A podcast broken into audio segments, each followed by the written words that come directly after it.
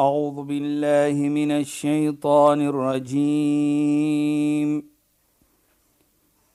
بسم الله الرحمن الرحيم. اليوم أكملت لكم دينكم وأتممت عليكم نعمتي. وأتممت عليكم نعمتي ورضيت لكم الإسلام دينا. صدق الله العظيم. السلام عليكم ورحمة الله وبركاته خيانات باي فالكم بدي برنامج إسلام فوكس Ek is Shahida Kali en ek gesels met Sheikh Dafir Najjar. Assalamu alaykum Sheikh. Wa alaykum salaam Luisteraars, verlede week het ons gepraat oor die belangrikheid waarin Allah vir die mans veral vra of sê dat hulle mooi moet wees met hulle vrouens. Sheikh het gepraat oor die feit dat Allah sit tussen man en vrou, getroude mense, mawadda wa rahma en Sheikh was besig om dit te verduidelik en hoe mooi dit is wanneer dit uitspeel in die lewe en ons gaan voort met daai gesprek. Sheikh asseblief. Ja. Bismillahirrahmanirrahim. Alhamdulillah. Wassalatu wassalamu ala rasulih sallallahu alayhi wa sallam wa ala alihi wa sahbihi ajma'in wa ba'd. اللهم لا علم لنا إلا ما علمتنا اللهم زدنا علما وارزقنا فهما يا رب العالمين Assalamu alaykum wa rahmatullahi ta'ala wa barakatuh en goeienaand aan ons geëerde en geliefde luisteraars.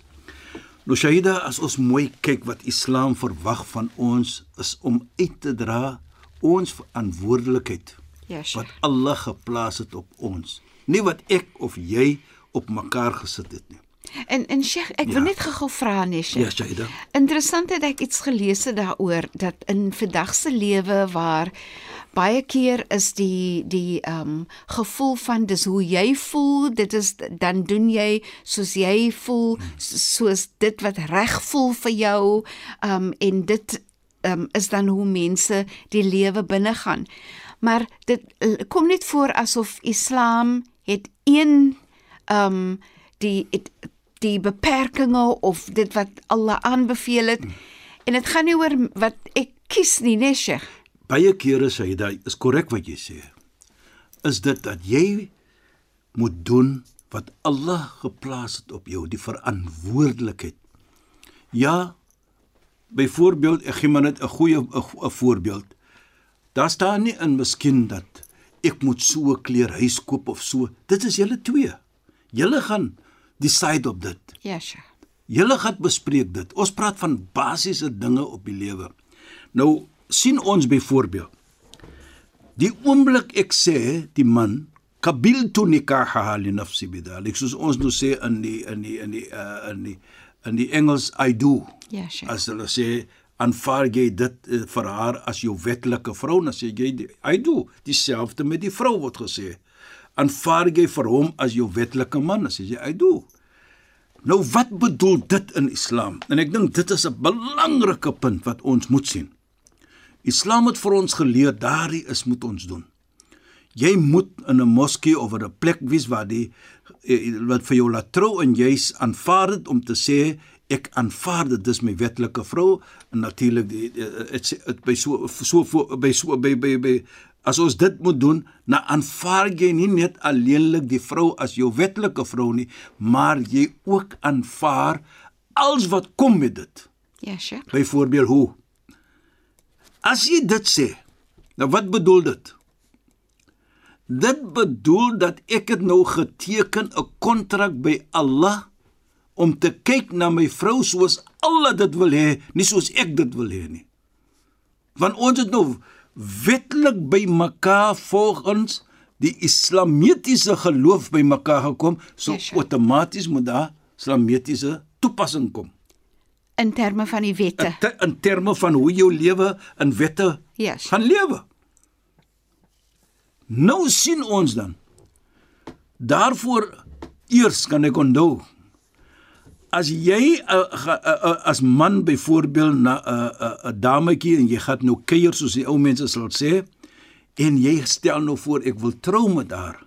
Nou wat sal die mense eers gedoen het? Gesê dit vir jou, gaan leer eers jou trou. Bedoel, gaan leer eers hoe om na 'n vrou te kyk en jy as vrou gaan leer eers hoe om 'n vrou te wees vir jou man. Met ander woorde, gaan leer wat Allah vir jou sê. Ja, Sheikh. Nou as ons dit verstaan, dan het elkeen sy verantwoordelikheid. Dit gaan nie om reg om om om te sê wie's reg en wie's verkeerd nie. Dit gaan om my verantwoordelikheid. Hoekom sê ek dit, Shaida? Want as ons kyk byvoorbeeld hoe Allah subhanahu wa ta'ala sweer, hy sê wal layli idha yakhsha wan nahari idha tajalla wama khalaqa adh-dhakara wal untha. Hy sweer by die die aand as die son sak. En die aan die die oggend as die son opkom. En outomaties na dit as sweer hy wama khalaqa adh-dhakara in die skepping van die man en die vrou. Nou, laat ons net sien daar. Hoe mooi sê Allah vir ons indirectly soos ons sal sê. Indirek. Indirek. Wat bedoel dit? Die aan het 'n verantwoordelikheid. Ja. Die dag het sy verantwoordelikheid. En hulle is maatjies. Hulle is maatjies. Die twee saam Ja, Sheikh. gee vir ons 24 uur. Mhm. Mm Kyk net hoe mooi is dit. Dieselfde met die vrou en dieselfde met die man.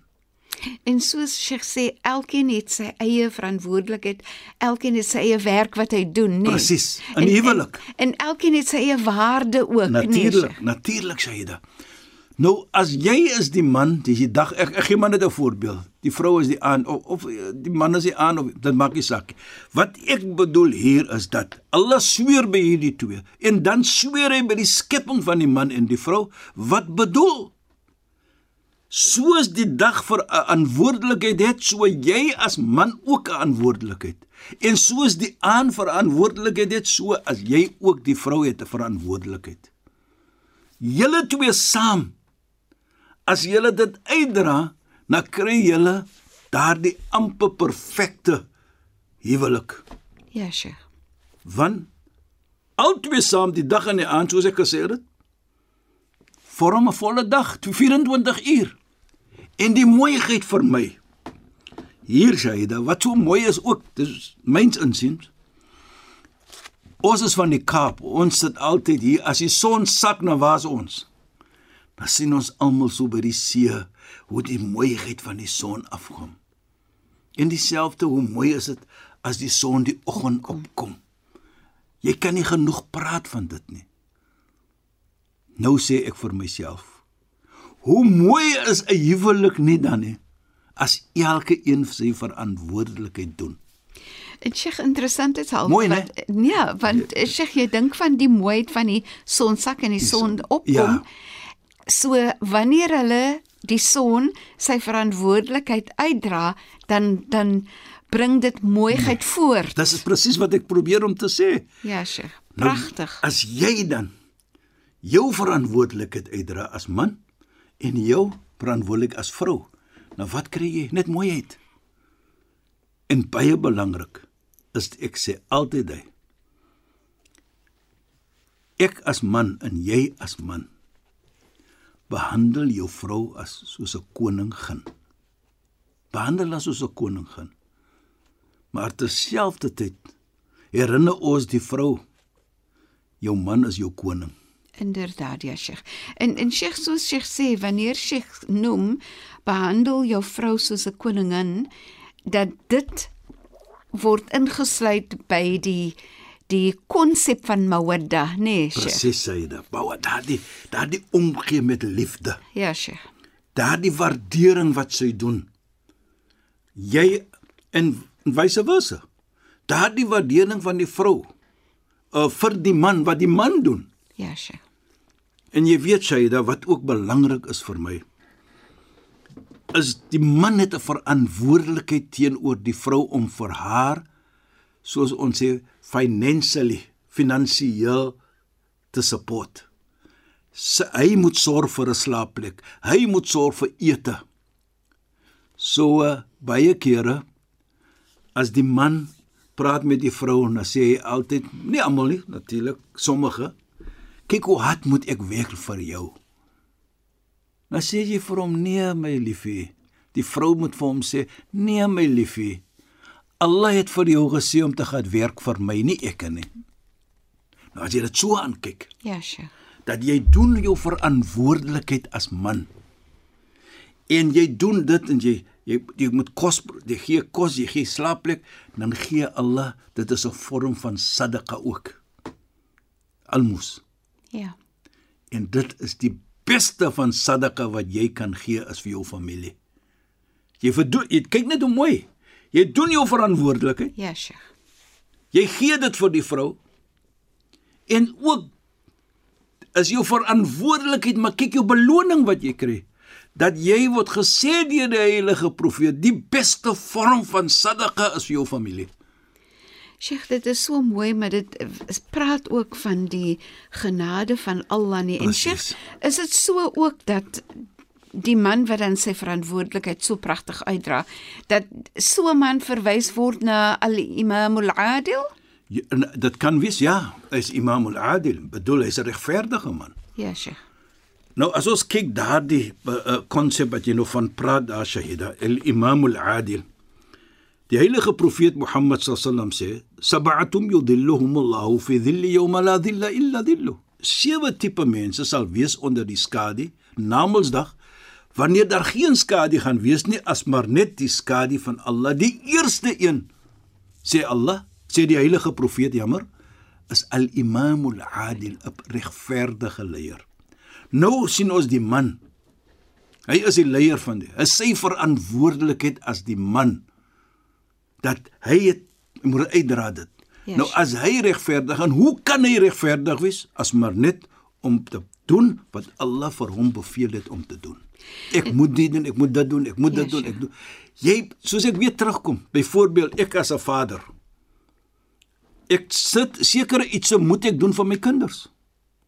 Ek begin nie ek gaan nie vir hulle 'n- 'n- 'n- 'n- Doen nie vir hulle guns Ek nie. doen nie vir hulle 'n guns nie. Dieselfde met die vrou. Ek doen nie vir haar 'n guns nie, ek doen my verantwoordelikheid. En baie kere moet ons sê laat my toe om my verantwoordelikheid te te doen.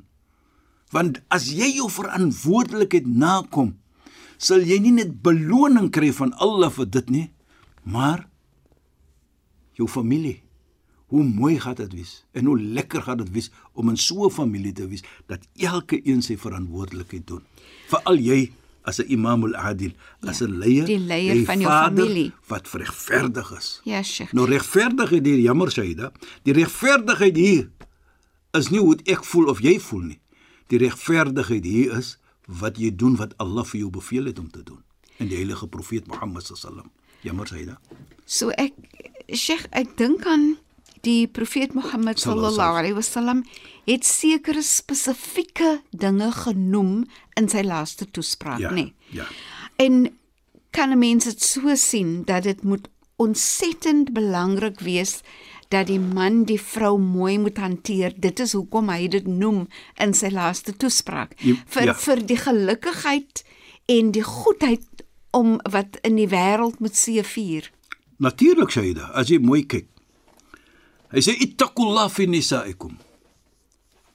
Wees Godvreesend met ander woorde, doen wat Allah vir jou beveel het vir jou die vrouens.